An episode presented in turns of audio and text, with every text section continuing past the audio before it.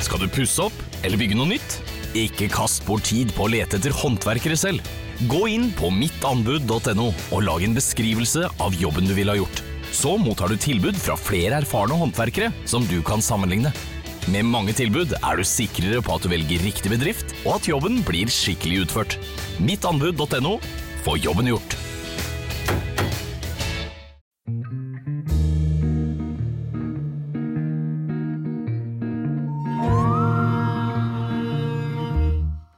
Dette er en historie basert på virkelige hendelser.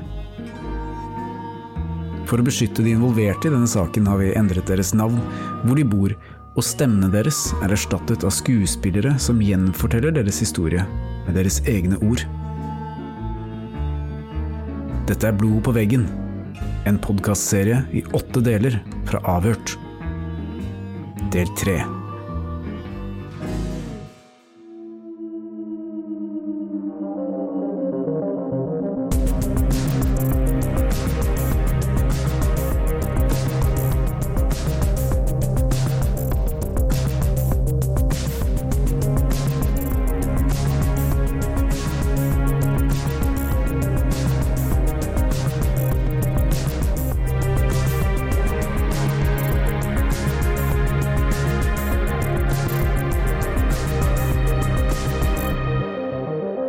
Bestemte meg for at sånn her kunne jeg ikke ha det, så jeg pakka kofferten min og tok med meg barna og dro og kom aldri tilbake, da.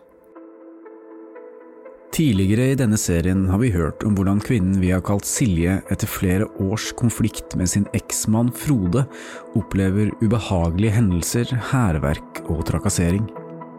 Politiet kan da se at personen som sendte bildet, fortsatt er på tomta. Så de stormer ut. Så kommer de tilbake og forteller at de har pågrepet personen, og det var Frode. Påskeaften blir det svært ubehagelig når Frode, som denne kvelden har deres to felles barn Tuva og Tobias, krasjer på sykkel sammen med datteren. Et vitne forteller avhørt at Frode skal ha fremstått som svært beruset. Og mens eh, samboeren min ringer ambulansen, så kvikner Frode litt til igjen. Og vi kjenner at det lukter alkohol av han, og det er liksom noe som ikke helt stemmer, da. Og jenta var jo veldig prega av hele situasjonen. Barnevernet blir tilkalt, men ifølge Silje og vitnet velger de å la Frode fortsatt ha barna, til tross for at han skal ha vært påvirket og ute av stand til å oppføre seg som normalt. Jeg har hørt lignende historier tidligere om barnevernet her i byen. Det er ikke barna som står i fokus. De velger hvilken forelder de skal ha tro på, og av en eller annen grunn så var det denne Frode de tok side med denne gangen. Verken Frode selv eller barnevernet har foreløpig ønsket å delta i denne podkasten. Ja, det Altså, meg og Thomas, vi satt Silje bor nå sammen med sin nye mann Thomas i et avsidesliggende hus i en liten by på Vestlandet. Sammen har de datteren Nora. På det tidspunktet så dreiv jeg litt en sånn, et lite firma da, hvor jeg solgte litt sånn kosmetikk og Silje forteller om en helt vanlig kveld i slutten av juni. Hun skal ut og levere en hudkrem til en venninne, men før hun rekker å komme seg inn i bilen, blir hun overfalt av to maskerte menn. Det skjer veldig fort. Jeg rekker ikke å reagere eller noen ting. Jeg får liksom en hånd over munnen um, og kjenner at liksom jeg blir dradd i, i, håret.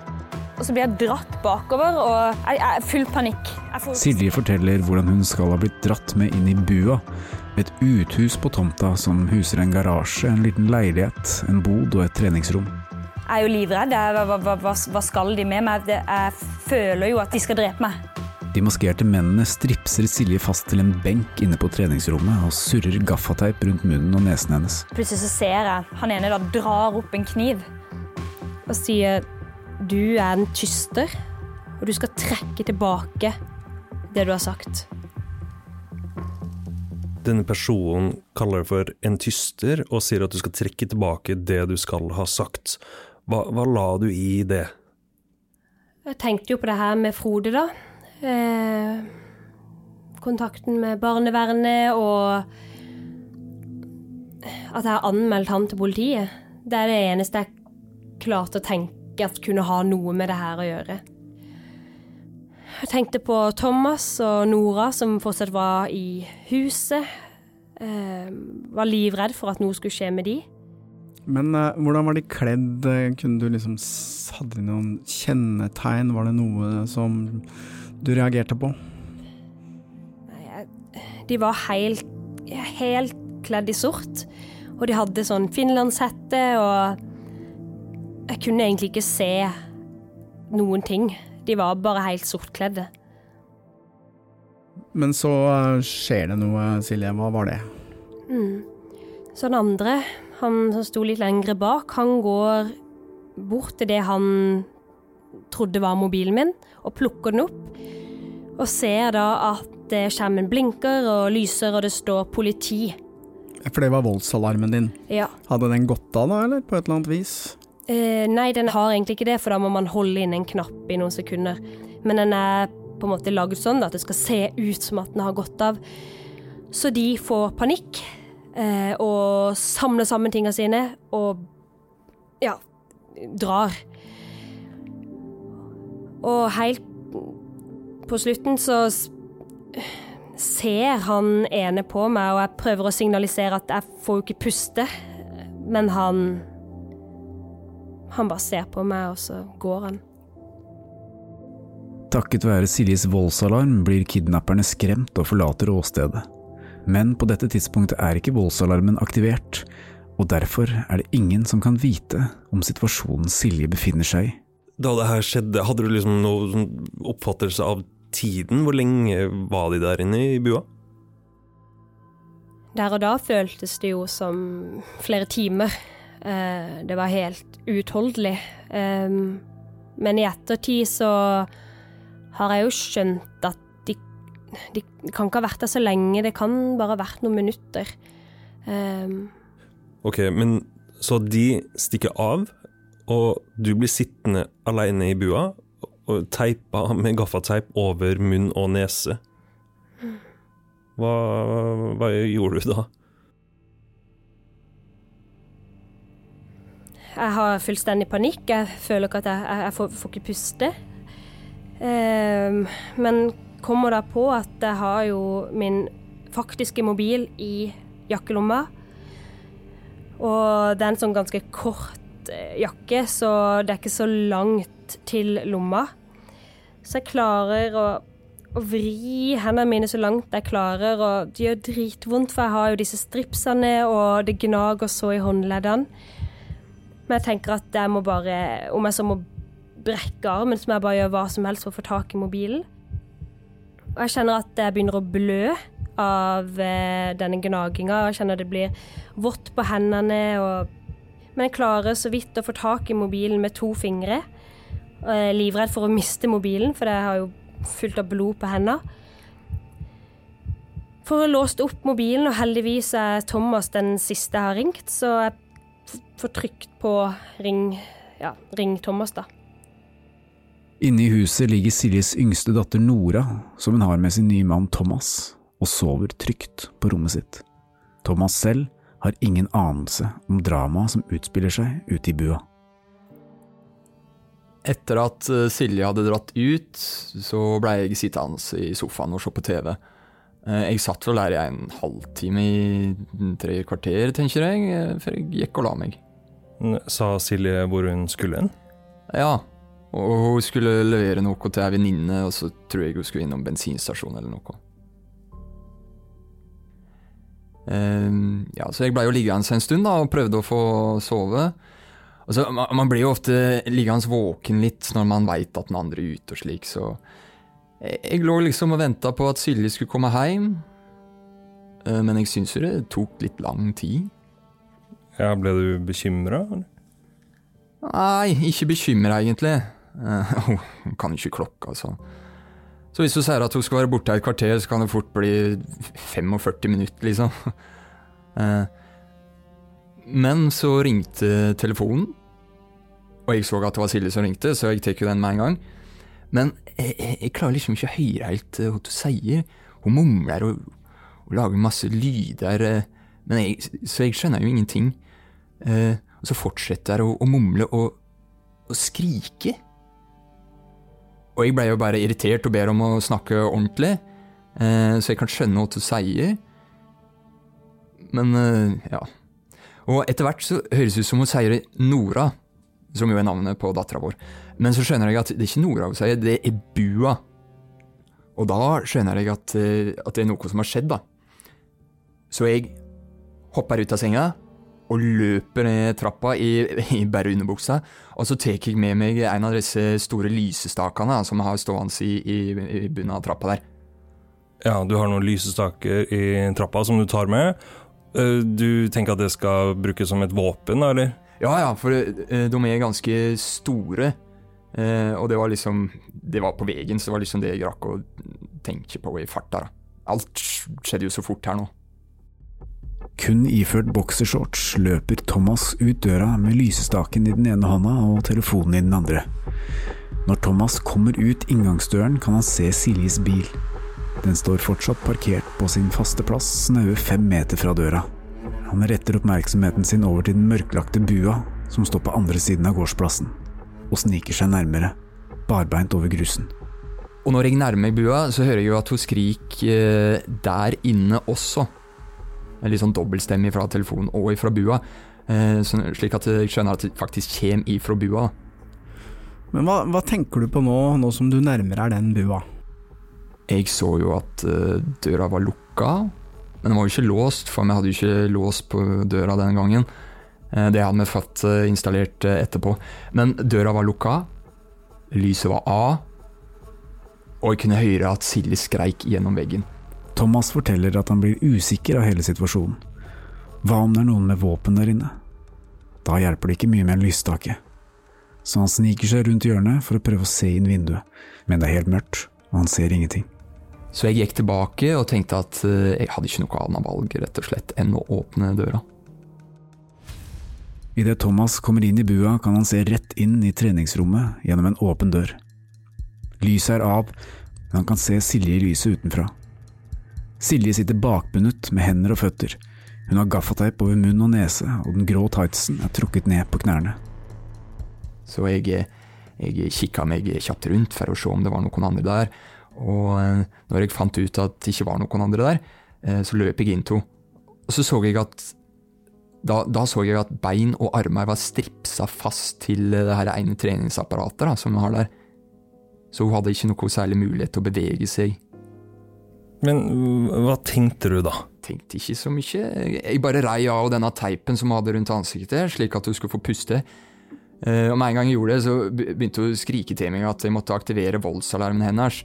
Eh, Og så så jeg meg litt eh, rundt, og så så jeg at den lå på sofaen, da, like ved siden av her.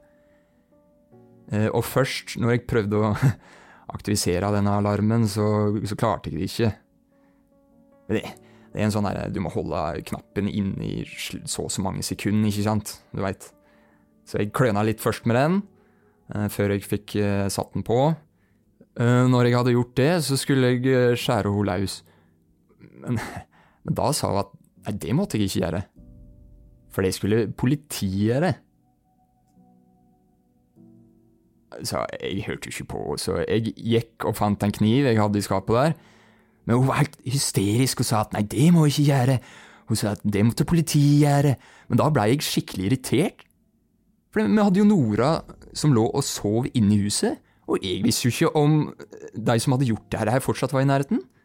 Så jeg sa at enten så lar jeg meg skjære deg løs, eller så går jeg inn til Nora, og så får jeg sitte her aleine til politiet kommer. Og da, da fikk jeg lov til å skjære henne løs, da. Men en ting jeg stusser litt på, for du sitter jo der stripsa fast, og så kommer Thomas, men hvorfor ville du ikke at han skulle kutte over de stripsene?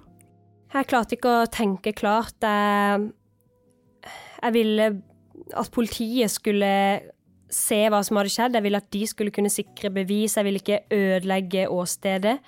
Men eh, Thomas klarte jo å overtale meg til at han skulle få lov å hjelpe meg. Han tenkte jo selvfølgelig på Nora, som lå alene i huset og sov. Og jeg er jo selvfølgelig glad for at vi dro inn til henne, og jeg hadde noe lyst til å besitte hans der alene, så ja. De stripsa, hvordan var de festa? Det var tre på handa, tre på beina. eh, Det var vel én rundt eh, hver hand. Og en rundt eh, hvert bein. Og så en imellom, da, som var festa til eh, treningsapparatet. Hadde hun noen synlige skader?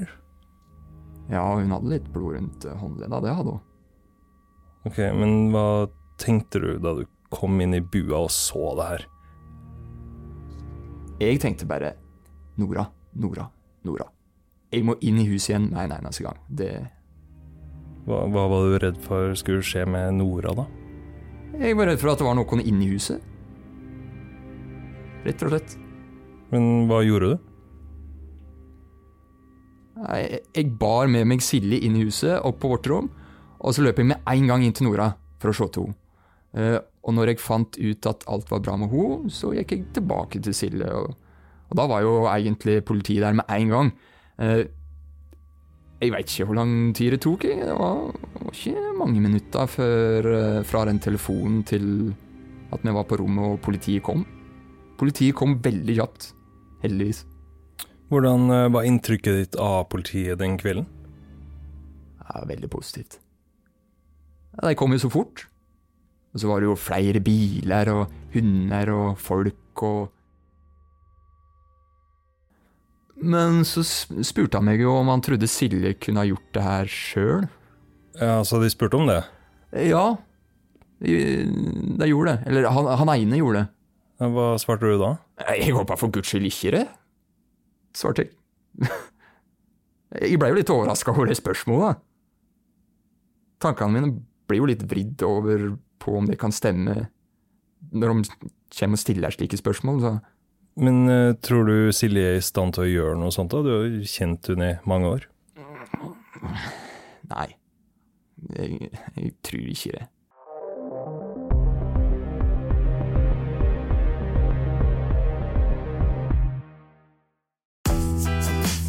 Med Bosch får du bærekraft som varer. Vaskemaskin som doserer så nøyaktig at den sparer både vaskemiddel og vann. Oppvaskmaskin som bruker mindre strøm. Og kjøleskap som gjør at maten holder lenger. Slitesterke produkter som verken sløser med vann eller energi.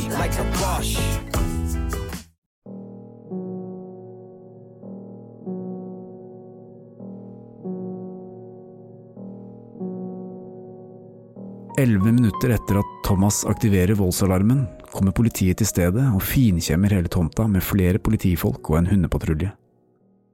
Etter å ha blitt undersøkt og fotografert, avgir Silje en kort forklaring til politiet og blir sendt videre for undersøkelse på legevakta. Vi har fått tilgang til politirapporten og journalen fra legevakta som ble opprettet denne natten, og Helge og Stein Morten skal se nærmere på disse. Ok, her er jo eh, politiets eh, bilder fra, fra åstedet hvor, eh, hvor eh, Silje ble overfalt. Ja, det er fra den kvelden da politiet kom, og det er bilder fra henne som ligger i senga. Med strips rundt beina, blant annet, ser vi her. Mm. Det er bilder fra denne bua, det er bilder av underarmen under armen hennes med blodutredelser. Det her er jo et av de første bildene som ble tatt. Der ligger hun på senga. Hun ble jo båret opp av eh, Thomas. Hun eh, nekter jo først eh, å bli skåret løs, eh, forteller Thomas til oss. Men eh, gikk med på å bli tatt inn i huset likevel. Og det ser ut som de har eh, Silje har jo ikke gjort noe for å endre Hun har ikke dratt opp buksa si, f.eks. Så den er jo fremdeles neddratt når politiet kommer. Det er sannsynligvis et ønske om at eh, hun ikke skal eh, rote for mye til. Da. At eh, eventuelle spor etter en gjerningsmann eh, kan bli sikra. Ja, fordi Thomas forteller er jo at han, da han kom ned og fant henne, så, så var det først litt eh, Hun ville jo ikke at han skulle eh, frigjøre henne med en gang. Eh, Thomas var veldig bekymra for yngstedattera som lå og sov i huset. Så da han ville forlate henne og gå tilbake til yngstedattera, så gikk hun med på at han tok og kappet over de stripsene, da. Og så Mm. bar han henne inn i huset, opp i senga. og forsikra seg om at alt var i orden med yngste dattera. Han kappa jo bare av den ene stripsen som holdt de andre eh, fast. For hun hadde jo én strips rundt hvert håndledd, og en tredje strips som eh, holdt de sammen. Så de hadde hun fremdeles på da politiet kom. Og på det ene bildet her så ser vi at det renner noe som kan se ut som blod. Over hånda hennes, Ja, over sida av hånda til Silje. Hun forklarte jo det ved at hun øh, begynte å blø på håndleddet da hun vrei seg for å få tak i telefonen som lå i, i jakkelomma. Mm. Politiet kom jo ganske kjapt til øh, åstedet, og responderte jo egentlig med full utrykning, og det kom hundepatrulje, og de gjorde kriminaltekniske undersøkelser. De tok jo eh, Silje ut i eh, politibilen, hvor hun ble avhørt av en politistudent. Eh, og deretter ble hun kjørt til legevakta, hvor de tok flere bilder. Mm. Vi ser bilder her av eh, hvordan politiet har brukt eh, sånn fingeravtrykk, eh, pulver på døra. Ja, Hundepatruljen på stedet markerte jo, og fulgte et spor som gikk fra denne bua ned en trapp og ned til en vei hvor det stoppet, og da er jo teorien eventuelt at eh, vedkommende som hunden eh, fulgte hadde satt seg inn i en bil, eller at det ble for vanskelig å følge det sporet på asfalten da. Mm. Vi har jo eh, vi har både sett rapporten til politiet, men vi, også, vi var jo til stedet, Helge, og det er jo på mange måter en sånn naturlig sted for en, eh, en bil å, å stå parkert også, så det er ikke noe rart at ikke det vekker noe særlig oppsikt. Mm. Men i tillegg da, så, så tok jo politiet DNA-tester av dørhåndtaket inn til bua, av stripsen som ble brukt, og av den gaffateipen som ble surra rundt munn og nese, og fikk jo da tre treff. Tre DNA-treff. Det ene var jo Silje, det andre var Thomas, og det tredje var eh, DNA til en ukjent mann. Men DNA har de da åpenbart ikke i sin database, så den er da ikke identifisert. Vi har òg lest et eh, vitnesbyrd av eh, leieboeren som bodde i huset til Silje og Thomas, om eh, hvordan hun hadde faktisk vært litt frem og tilbake på, på gårdsplassen der like før det her skal ha skjedd. Og hun så jo absolutt ingenting, og hun forlot stedet et kvarter før Silje ble overfalt. Det som slår meg med det overfallet her, Helge, er at eh, for det første så er det jo ganske stor risiko å ta. At du møter opp utenfor et eh, hus på den måten. Eh, Thomas sitter inne, han kunne selvfølgelig ha hørt hva som foregikk og kommet ut. Naboer kunne ha vært vitne disse tingene. Leieboeren var jo på stedet bare et kvarter før. Og det er klart at du, det er jo kjempehøy risiko å overfalle Silje rett utenfor huset, og så dra henne inn i denne bua. Mm. Jeg ser ingenting. Jeg går nå 20 meter frem og ser hva som foregår. Nå tar Lars denne ruta. Så dere noen ting? Ingenting. Ingenting. Helt umulig å se der borte fra. Vi tok en runde på tomta til Silje og Thomas for å prøve å kartlegge hva de omkringliggende nabohusene kunne ha sett av det som skjedde den kvelden Silje ble overfalt. Ok, jeg står ved det andre vinduet. Stein Morten går til det andre vinduet nå. Ta, ta løypa en gang til, Lars. Helge og Stein Morten står ved hvert sitt nabohus, mens jeg forsøker å gjenskape Silje og kidnappernes bevegelser nede på gårdsplassen. Nå går eh, Lars. Ser du, ser du noen ting, Stein Morten?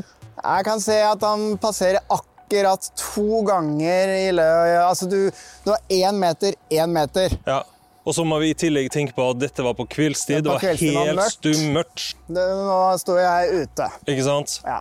Så du ville stått enda en meter bakover. Og det, du skal være ganske observant, da, for det er jo bare korte intervaller du ser. Ja, da Men skal nå var vel ikke vedkommende Vi har jo vært på stedet der og tok en liten befaring. Vi gikk bort til naboenes hus for å undersøke hva vi egentlig kunne se av hva som foregikk nede på tunet til Silje og Thomas, og det var ganske begrensa hva vi faktisk kunne ha fått med oss der, hvis vi hadde vært denne naboen som satt da kanskje inne i stua si og tilfeldigvis så ut av vinduet den kvelden, så ville ikke den naboen sett eh, noe av det som foregikk eh, i, i den oppkjørselen?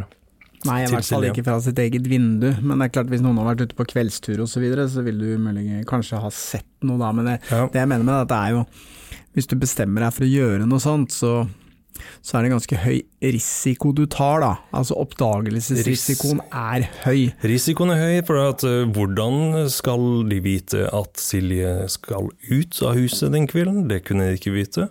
Eh, De kunne risikert at det var Thomas som kom ut der.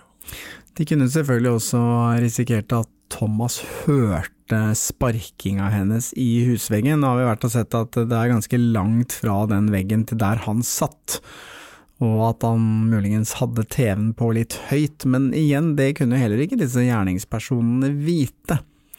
Sånn at da hun begynte å sparke i den husveggen, og jeg hadde vært en av de som gjorde det, så hadde jeg vært alvorlig bekymra for at Thomas skulle høre det. Da. Vi har jo vært på kjøkkenet til Silje og Thomas, og der har man jo utsikt rett mot denne bua. Hvis eh, Thomas da f.eks. skulle ha funnet på å lage seg en eh, kakao eller en varm toddy der den samme kvelden, og tok et eh, kikk ut av vinduet akkurat idet de drar hunden da, eh, inn i bua der, så er jo det noe han kanskje hadde reagert på. Uansett så, så tenker jeg at hvis, hvis vi skal sette oss inn i tankegangen til disse gjerningspersonene Du, eh, du har et ønske om å, å nærmest kidnappe en person og true, skade eh, og ta denne personen utenfor eget hjem. eh, med samboeren i det huset, og du vet ikke når hun kommer ut. Så det betyr at du, du skal altså gjemme deg du skal oppholde deg der ganske lenge, da, eh, hvis ikke du har veldig flaks. Eh, og da er jo selvfølgelig sjansen for at noen ser deg, er jo ganske stor.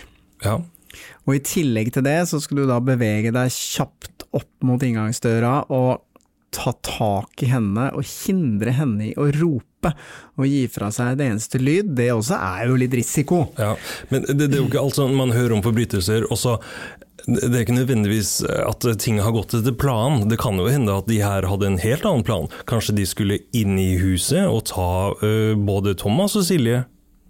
Det, det kan tenkes, og så plutselig kommer hun Der kommer hun ø, jaggu meg. Det er Bare ta tak i hun der, da.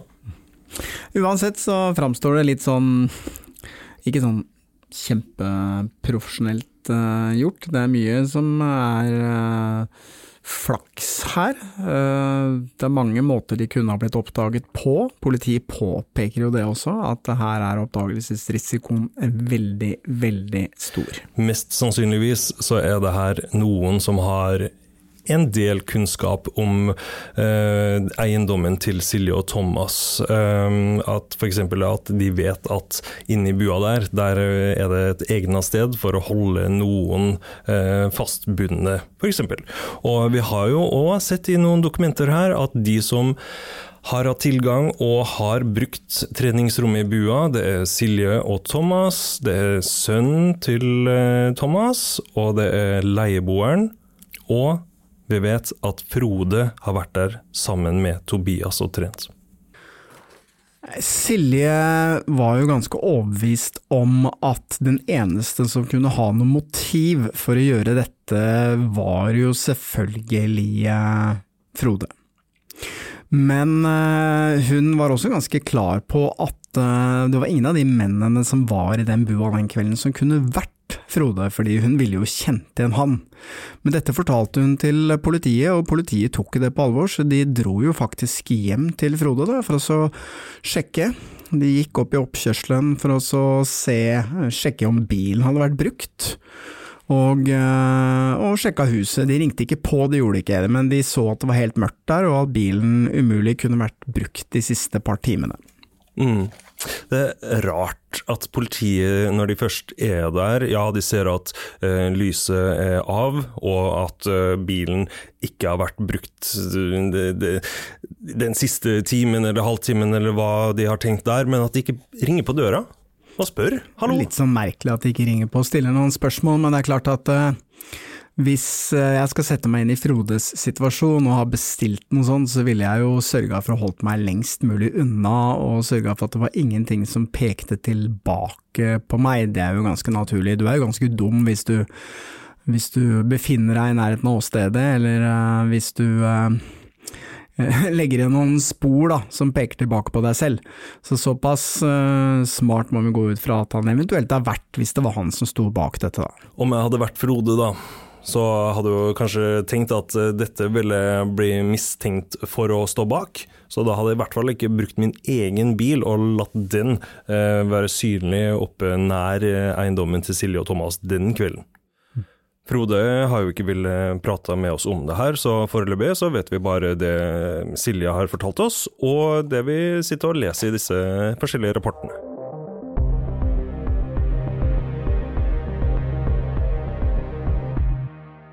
Velkommen til Kjemperådet! Ohoi! Vi har fått inn et kjempekleint problem fra Trine Lure 22. Ok. Jeg leser. De to andre i kollektivet mitt har begynt å date, og jeg syns det er veldig kleint når vi skal se på TV sammen, og de bare skal kline. Ok, ja, Yes. Hvordan skal hun løse dette? Siden Trine Lure er under 30, får hun jo ubegrenset data fra Telenor fra 399 kroner. Da Da kan hun sette seg på sitt eget rom, streame så mye hun vil på mobilen. Ja, Hun kan jo se på nye mobilabonnement på telenor.no. Ja, det er lurt. Uten noen vitner til selve handlingen eller definitive tekniske spor, var dette starten på en svært krevende etterforskning for politiet. Og Silje satt igjen med blåmerker, stygge sår på håndleddene og det hun beskriver som en intens frykt for sin egen sikkerhet. Men tre uker etter den dramatiske frihetsberøvelsen skjer det noe uventet. Det var en ehm, en ehm, formiddag. Jeg hadde sovet veldig dårlig, for jeg gikk jo rundt og var veldig redd etter den hendelsen i bua. Så jeg hadde levert eh, Nora mm, i barnehagen, og da jeg kom hjem, så bare la jeg meg litt nedpå igjen og prøvde å få sove litt. For du var sykmeldt du i perioden etter det overfallet? Ja. Mm. Ehm, og plutselig så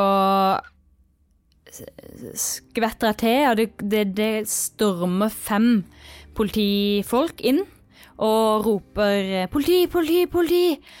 Og jeg Altså, jeg går rett til å tenke at nå har det skjedd noe ordentlig alvorlig med Nora, Thomas, eh, Tuvel, Tobias. Nå, nå har det eskalert mer enn noen gang. Mm. Men så forteller politiet meg at eh, de da mener at jeg har eh, gitt en falsk forklaring eh, om hva som skjedde den kvelden i bua. Thomas var på jobb da dette skjedde, men kom for å hente seg lunsj mens politiet fortsatt var der. Hva, hva tenkte du da du kom hjem og så politibilen i oppkjørselen her? Jeg tenkte Helvete, hva skjer her?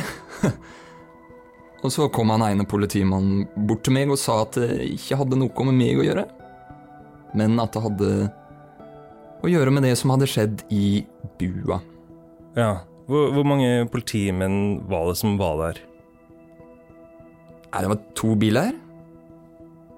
Og en fire-fem personer, tror jeg. Husker ikke helt. Ok, to politibiler, fire til fem politimenn for å hente kona di og sikte hun får falsk forklaring. Hva, hva, hva tenkte du om den situasjonen? Kunne jeg ikke bare bedt dere om å komme ned til et avhør, f.eks.? Det har jeg faktisk ikke tenkt på. Men øh, du har sikkert rett i det, men Ja, Du syns ikke at det var en liksom, overreaksjon, da? Altså, Jeg har vel egentlig bare tenkt at det var en alvorlig hendelse. Og da ble liksom alt som følger med, like alvorlig. Og etterpå så kom det jo flere politifolk, fordi de skulle ransake hele huset.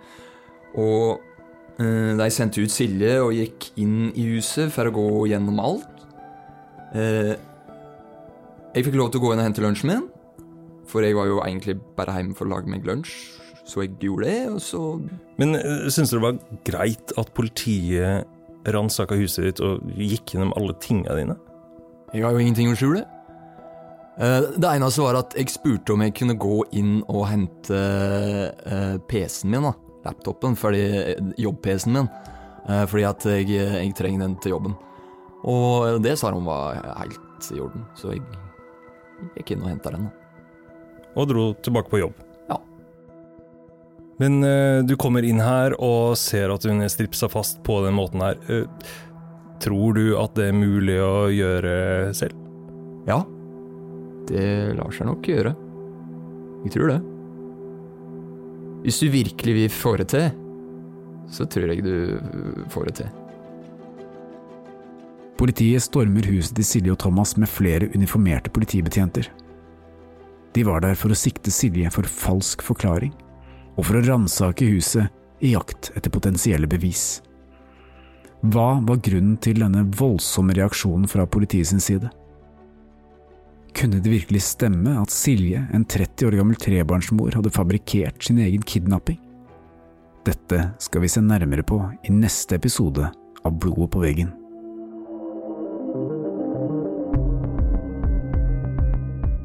Avhørt er produsert av Batong Media.